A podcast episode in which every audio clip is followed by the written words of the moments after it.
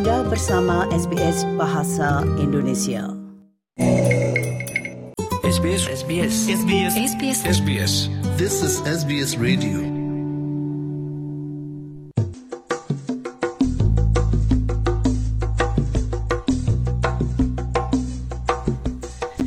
Saudara pendengar, berikut ini kita dengan akan dengarkan sebuah wawancara yang dipandu oleh Ibu Sridin bersama Dr. FX Wikan Indrato, spesialis anak dari Panti Rapih Yogyakarta mengenai polio.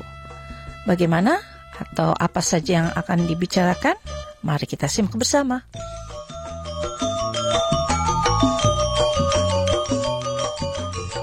Sebelumnya saya ucapkan terima kasih sekali kepada Dr. Dr. FX Wikan Indrarto yang berkenan untuk kami hubungi kembali ini Bapak. Saya akan kembali memperkenalkan Bapak Dr. Dr. FX Wikan Indrarto adalah dokter spesialis anak di Rumah Sakit Panti Rapih di Jogja. Yogyakarta. Betul. Bapak, Ya. sehubungan dengan adanya kekejutan kasus polio yang timbul di Indonesia itu, jadi kami mo mohon update begitu, Bapak. Ya. Kalau menurut tulisan Bapak itu, kalau di Jawa itu mulai di Kecamatan Manisrenggo itu yang di J. di daerah Klaten. Tapi kan sebelumnya Klaten, itu ya. pernah terjadi kan itu Bapak di Sumatera, di Aceh Ya. itu. Jadi itu bagaimana? Ya, betul Bu Sri. Jadi sebetulnya eh, penyakit polio atau kalau di istilah medis lengkapnya disebut poliomyelitis itu adalah penyakit infeksi sistem saraf yang disebabkan oleh virus polio. Virus. Di dunia sebetulnya virus polio ini sudah hampir dapat dimusnahkan. Laporan terakhir itu hanya tinggal di tiga negara, yaitu di Pakistan, Afghanistan, dan Nigeria saja sejak tahun 2014. Hanya tiga negara itu saja. Bahkan Indonesia sebetulnya masuk dalam kelompok Pasifik Barat yang sudah dinyatakan bebas polio sejak 2015. Bagaimana bisa timbul kembali Bapak? Itu loh. Baik, ternyata dalam dua tahun terakhir ini di tahun 2021 itu ada kasus di Pidi, di Kabupaten Pidi itu di Iya. Provinsi Aceh, di ujung uh, utara Sumatera dan yang paling mengejutkan di akhir tahun ini pada Desember tahun 2023 itu ada satu kasus di Kecamatan Manisrenggo, Kabupaten Klaten, Provinsi Jawa Tengah. Kita- ada seorang Iya. anak Silakan. berusia enam tahun di Klaten itu cukup dekat dari Jogja yang menderita polio dan itu sudah positif polio karena dalam pemeriksaan laboratorium sudah teridentifikasi adanya virus polio di dalam tija atau feses pasien tersebut. Bapak, perlukah kita khawatir? Karena kalau kita lihat kasusnya kan baru satu ibaratnya itu dalam tahun dalam tahun lalu. Terus tahun 2001 atau 2002 itu yang terjadi di PD itu. Jadi Ya, memang kekhawatiran itu tetap harus dimunculkan karena harusnya sudah tidak ada polio karena Indonesia sudah dinyatakan bebas polio.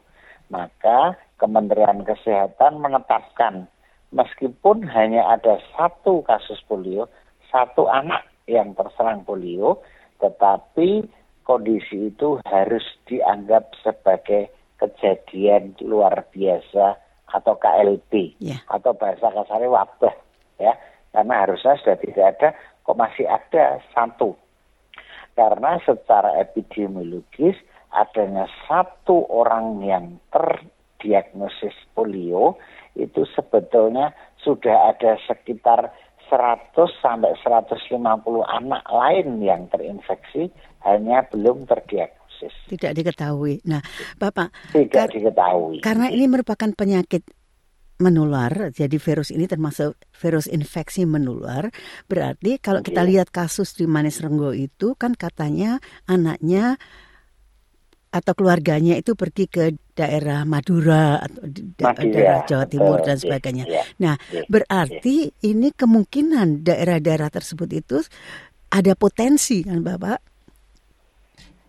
Betul, makanya Kementerian Kesehatan kemudian langsung bertindak cepat menetapkan bahwa dua daerah tadi yaitu Sampang, Madura di Jawa Timur yang merupakan daerah yang dikunjungi si anak tersebut empat hari sebelum demam dan Klaten yang merupakan tempat tinggal anak tersebut eh, selama ini sebelum pergi ke Sampang itu dinyatakan sebagai daerah KLB secara teoritis satu kabupaten dinyatakan KLB maka sebetulnya seluruh provinsi tersebut harus diwaspadai karena virusnya mungkin apa uh, menyebar ke tempat lain. Itulah mengapa uh, kemudian dilanjutkan dengan tindakan segera oleh negara yang disebut dengan subpin atau sub pekan imunisasi nasional. Jadi bukan bersifat nasional, tapi hanya di provinsi tersebut.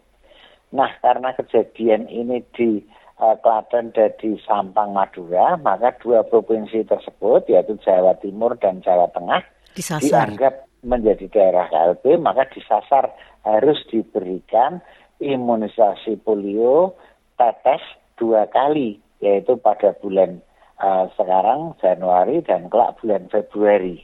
Jadi, Tetapi karena Klaten itu berbatasan dengan Provinsi DIY, khususnya Kabupaten Sleman, maka program itu diperluas untuk DIY khusus uh, balita di Kabupaten Sleman harus juga mendapatkan imunisasi polio tetes tambahan. Ya. Jadi program ini diberlakukan untuk seluruh anak di Madura, targetnya harus mencapai 95 persen, di Kabupaten Klaten juga 90 persen, dan di Kabupaten Sleman yang berbatasan, serta di Provinsi Jawa Tengah dan Jawa Timur dengan target mungkin lebih rendah hanya sekitar 90 persen. Jadi Bapak penyakit polio itu kalau saya tidak keliru sampai dengan sekarang belum ada itu apa penyembuhannya. Obatnya. Ya. ya. Namun pencegahannya dapat dilakukan. Nah, salah satu di antaranya ya. Bapak tadi sudah sebutkan yaitu dengan adanya vaksin tetes. Nah, eh, eh, kapan diperlukan itu vaksin suntik itu, Bapak? Ya.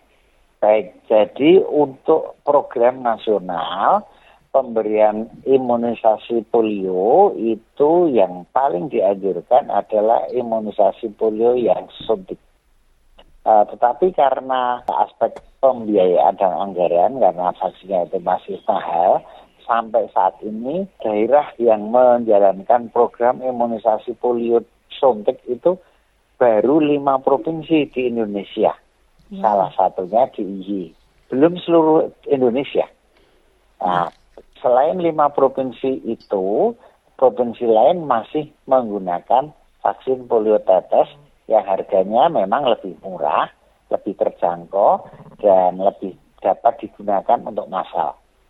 Nah, semua bayi itu harus mendapatkan imunisasi polio baik tetes maupun suntik sesuai daerahnya masing-masing paling tidak empat kali sampai umur dua tahun yaitu 0 bulan, 2 bulan, 3 bulan, 4 bulan, dan 18 bulan itu semua bayi harus mendapatkan itu secara rutin. Di daerah di mana ada kasus polio seperti di mana Serenggo itu maka ditambahkan imunisasi polio tidak hanya untuk bayi sampai umur 2 tahun tapi dari bayi sampai anak umur 7 tahun semua diberikan vaksin tetes. Mengapa sampai 7 tahun? Dua Pak? kali pemberian. Karena dalam penelitian vaksin apa namanya virus polio masih mampu memberikan uh, dampak pada anak umur 7 tahun.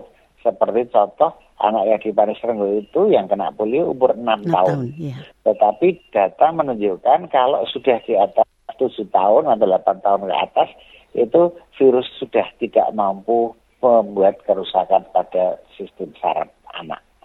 Bapak, kalau anak yang terkena ini tidak membawa kematian kan Bapak, tapi hanya membawa kelumpuhan begitu?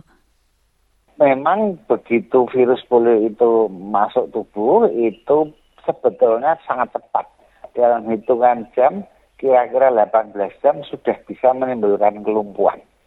Eh, satu dari 200 infeksi akan menimbulkan kelumpuhan di salah satu tungkai, kalau nggak kaki kanan, kaki kiri. Bukan dua-duanya, hanya salah satu. Mengapa Tetapi, hanya salah satu, Bapak? Salah satu karena yang diserang salah satu syarat sebelah saja. Hmm. Bersyukurlah dia menyerangnya hanya sebelah. Kalau nggak kiri ya kanan, dia tidak bergeser. Kita belum tahu penyebabnya mengapa dia tidak menyerang dua-duanya, tapi yang dirusak salah satu. Uh, kematian pasien infeksi polio hanya dilaporkan terjadi sangat sedikit, terutama kalau yang terjadi kelumpuhan bukan di tungkai, tetapi di otot-otot pernafasan. Sehingga anak tidak dapat bernafas Nafas, karena ya. otot pernafasannya lumpuh. Tetapi kasusnya itu sangat sedikit. Hmm. Sehingga polio memang tidak menimbul jarang atau sangat jarang menimbulkan kematian seperti perintah disebutkan sebagian besar adalah menyebabkan kelumpuhan di salah satu tungkai kalau nggak kaki kiri ya kaki kanan. Tadi dikatakan ya menular berarti ada cara penularan itu kan. Sejauh mana itu Bapak maksud saya sejauh mana kebersihan lingkungan itu memudahkan penularan. memudahkan penularan itu. Mudah penularan. Baik, jadi infeksi virus polio itu memang mengikuti jalur yang istilah medis disebut fekal oral dari anus ke mulut ya. Jadi virus polio itu ada atau berkembang biak di sistem pencernaan. Dia ada di usus, hidup di usus sehingga berkembang biak di usus dan keluar bersama-sama dengan tinja waktu seorang anak itu buang air besar ya. Nah, maka disebut fekal. Tetapi virus yang keluar lewat anus tadi bersama-sama dengan tinja tidak mati. Dia mungkin mencemari uh, air, mencemari lingkungan, mencemari uh, alat rumah tangga sehingga masuk ke mulutnya anak lain dan itu baru akan terjadi infeksi. Itulah mengapa peran lingkungan sangat besar. Perilaku hidup bersih dan sehat yang harus ditekankan dan harus diedukasikan kepada masyarakat luas itu uh, harus selalu diulang-ulang.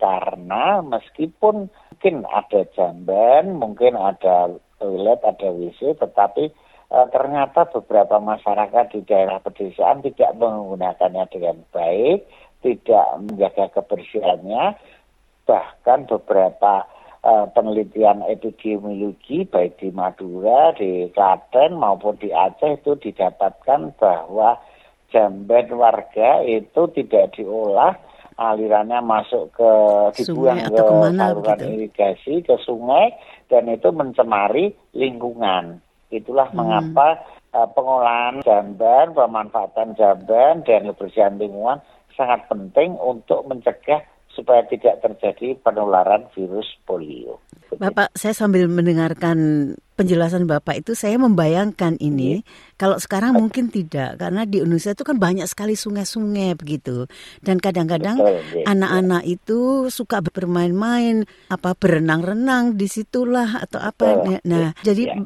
bagaimana supaya hal tersebut tidak terjadi? Memang pencegahan supaya virus polio ini tidak menular antar anak di masyarakat itu tidak cukup oleh tenaga kesehatan. Tetapi juga harus tenaga pendidikan atau para pendidik, guru, dan para tenaga infrastruktur yang harus memperbaiki, mengatur supaya aliran uh, pembuangan jamban dari warga itu tidak masuk ke area-area umum termasuk sungai di mana anak sering bermain maupun berenang. Selain itu aspek pendidikan juga harus dilibatkan para guru, para orang tua harus mendidik anak supaya menjaga kebersihan, tidak boleh uh, berenang sembarangan, harus cuci tangan yang bersih di rumah setelah bermain di luar dan sebagainya. Hal-hal seperti itu uh, sepertinya secara teori sangat mudah disampaikan, tapi secara praktek tentunya tidak terlalu mudah apalagi di daerah di mana kepadatan penduduk sangat tinggi, kemiskinan mungkin belum mampu dientaskan, kemudian eh, program pembangunan dari pemerintah tidak menjangkau sampai di situ dengan baik, dan masih banyak hal lain yang uh, perlu dipertimbangkan untuk diperbaiki agar proses penularan infeksi polio dapat dikurangi. Mungkin saya seharusnya menanyakannya lebih awal itu. Jadi gejala klinisnya, Iya, gejala awalnya itu bagaimana? Polio itu penyakit infeksi sehingga keluhannya nanti akan mirip dengan infeksi yang lain. Anak yang terserang atau terinfeksi virus polio pertama akan selalu mengeluh sama seperti infeksi lain yaitu demam, mual, eh, kadang muntah-muntah, sakit perut, lemes, Pusing. lemah, nafsu makan berkurang dan eh, kalau anak yang lebih besar bisa mengeluh pusing maupun sakit perut dan muncul tanda yang khas dari polio adalah kelumpuhan, kekurangan tenaga pada salah satu anggota gerak. Yang paling sering itu adalah tunggai atau kaki. Kalau tangan jarang ya, tunggai atau kaki dan yang menjadi ciri khas adalah salah satu atau kiri atau kanan saja. Belum pernah atau jarang dilaporkan yang dua-duanya. Munculnya kelumpuhan ini akan terjadi kira-kira sangat pendek, yaitu hari ketiga setelah demam. Tidak lama setelah demam sudah muncul kelumpuhan. Kelumpuhannya sangat khas, yaitu anak tidak memiliki kekuatan, kakinya tiba-tiba kehilangan kekuatan, dan kalau dipegang itu lemes, bukan kaku, Ya, loyo. tapi lemes, loyo. Maka disebut dengan kelumpuhan yang layu, bersifat akut, layu, seperti tidak punya kekuatan. Ya, Beda kalau infeksi di sistem saraf pusat itu kelumpuhannya adalah kaku. Jadi kakinya, tunggainya itu tegang, tidak bisa ditekuk, sangat kaku. Nah, kalau polio itu justru lunglai atau lemas, Ya. begitu. Nah, Putri. Sampai dengan sekarang itu COVID ini kan Iya. masih tetap beredar Iya. ibaratnya. Jadi kita tidak bisa mengatakan bahwa oh kita sudah bebas COVID karena sudah tidak ada lagi kuncintara misalnya. Tapi kita masih sebetulnya hidup berdampingan dengan COVID kan begitu. Betul, Nah, iya, ini iya. sejauh mana itu Bapak? Apakah ada hubungannya antara kedua penyakit tersebut? Baik, ya memang COVID dan polio ini sudah dapat dikatakan ya bebas ya, bukan pandemi lagi untuk COVID ya, untuk polio dikatakan bebas polio. Bukan berarti bahwa tidak ada kumannya, tidak ada virus COVID maupun tidak ada virus polio. Ada, tetap ada. Kita berdampingan. Tetapi jumlahnya sangat sedikit sehingga tidak mengganggu sistem maupun uh, tatanan maupun aturan sosial dan kita tetap ber- bisa beraktivitas dengan baik. Kejadian COVID yang kemarin sangat membekas karena itu bersifat pandemi, artinya seluruh dunia mengalaminya. Eh, itu sangat menarik untuk ditiru seandainya kita menjumpai adanya kasus polio. Ya, yang pertama kejadian pandemi COVID-19 kemarin itu yang paling bagus itu 3T ya, tracing, testing dan treatment ya. Pertama tracing ya. Jadi kalau waktu pandemi COVID itu uh, berada pada puncak, satu orang terdiagnosis COVID maka harus di tracing. Urut. Siapa lagi yang uh, dirunut? Siapa lagi yang ketularan atau menulari? Mungkin suaminya, mungkin anaknya, mungkin istrinya, mungkin orang tuanya kalau COVID. Begitu juga polio. Kalau ada satu anak yang terkena polio harus dirunut, harus di tracing. Anak ini habis main sama siapa? Bersekolah dengan siapa, habis berenang sama temennya yang mana, berkomunikasi dengan saudara yang mana, semua itu harus dilacak si A, si B, si C, semuanya harus diperiksa. Itu namanya tracing. Yang kedua adalah testing ya. Satu orang yang COVID, maka orang-orang yang berkomunikasi dengan penderita COVID itu harus juga ikut dites, ikut di swab positif apa negatif. Nah, begitu juga polio. Si anak yang dari Manisrenggo itu kemarin habis bermain dengan si A, si B, dan si D. Maka testing tidak hanya dilakukan pada anak yang kena polio, tapi si A, si B, si D juga harus dites. Diambil tinjanya, karena kalau polio bukan dengan swab seperti COVID, tetapi tinjanya atau visesnya yang dianalisis di laboratorium.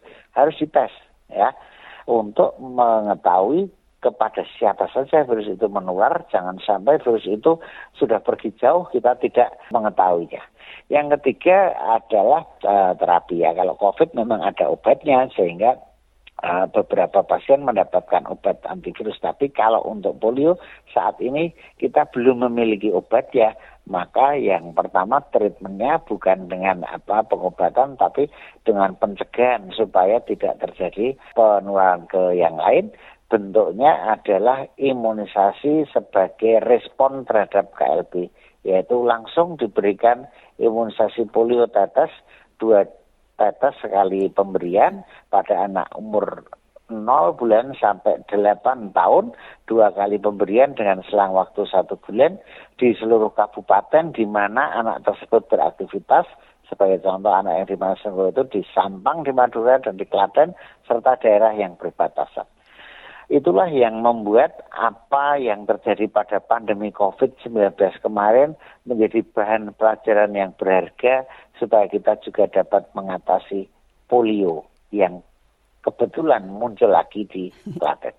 Mudah-mudahan ini hanya satu saja Bapak ya, artinya itu satu Betul, kasus, iya. satu kasus untuk yang baru saja, tapi yang be- Betul, dua iya. tahun yang lampau itu, mudah-mudahan itu merupakan apa ya, isolated case begitu loh Bapak, saya. Betul. Nah, iya. satu Kita pertanyaan, iya. itu betul. satu pertanyaan lagi Bagaimana? Bapak, katanya salah satu di antara untuk penguatan atau pencegahan itu dapat meminum vitamin A. Nah, itu sejauh mana kebenarannya?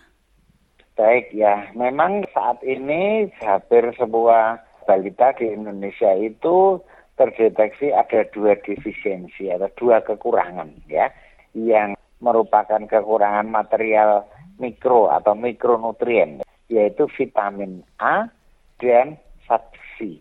Ya, zat besi kalau kekurangan akan menimbulkan anemia, gangguan pertumbuhan, gangguan pemikiran dan sebagainya. Kalau vitamin A, kalau kekurangan bayi atau balita akan menjadi ringkih sehingga mudah terserang penyakit infeksi apa pun.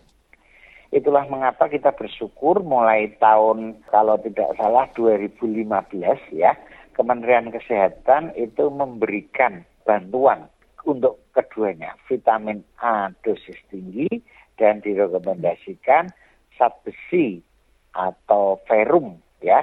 Vitamin A dosis tinggi diberikan sejak bayi sampai umur 5 tahun, sedangkan zat besi diberikan sejak bayi sampai umur 2 tahun. Uh, vitamin A saat ini tersedia di semua fasilitas kesehatan uh, milik negara, puskesmas sampai di posyandu.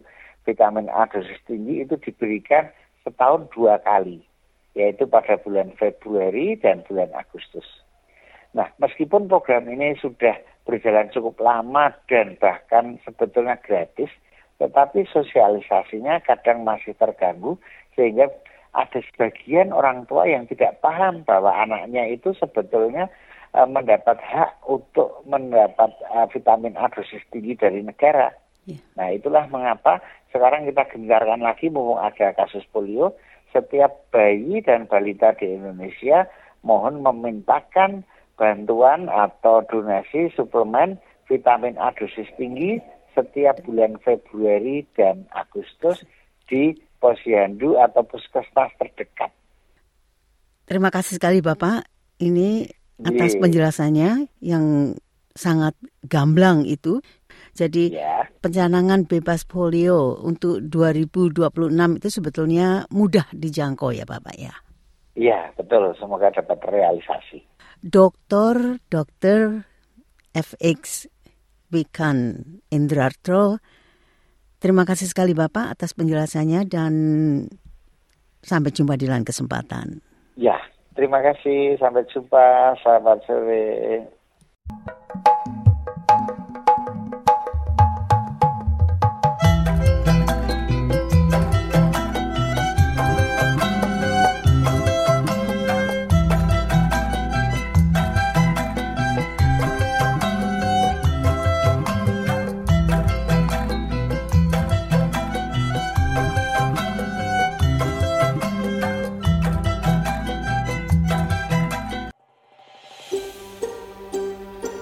Sukai, berbagi, komentar.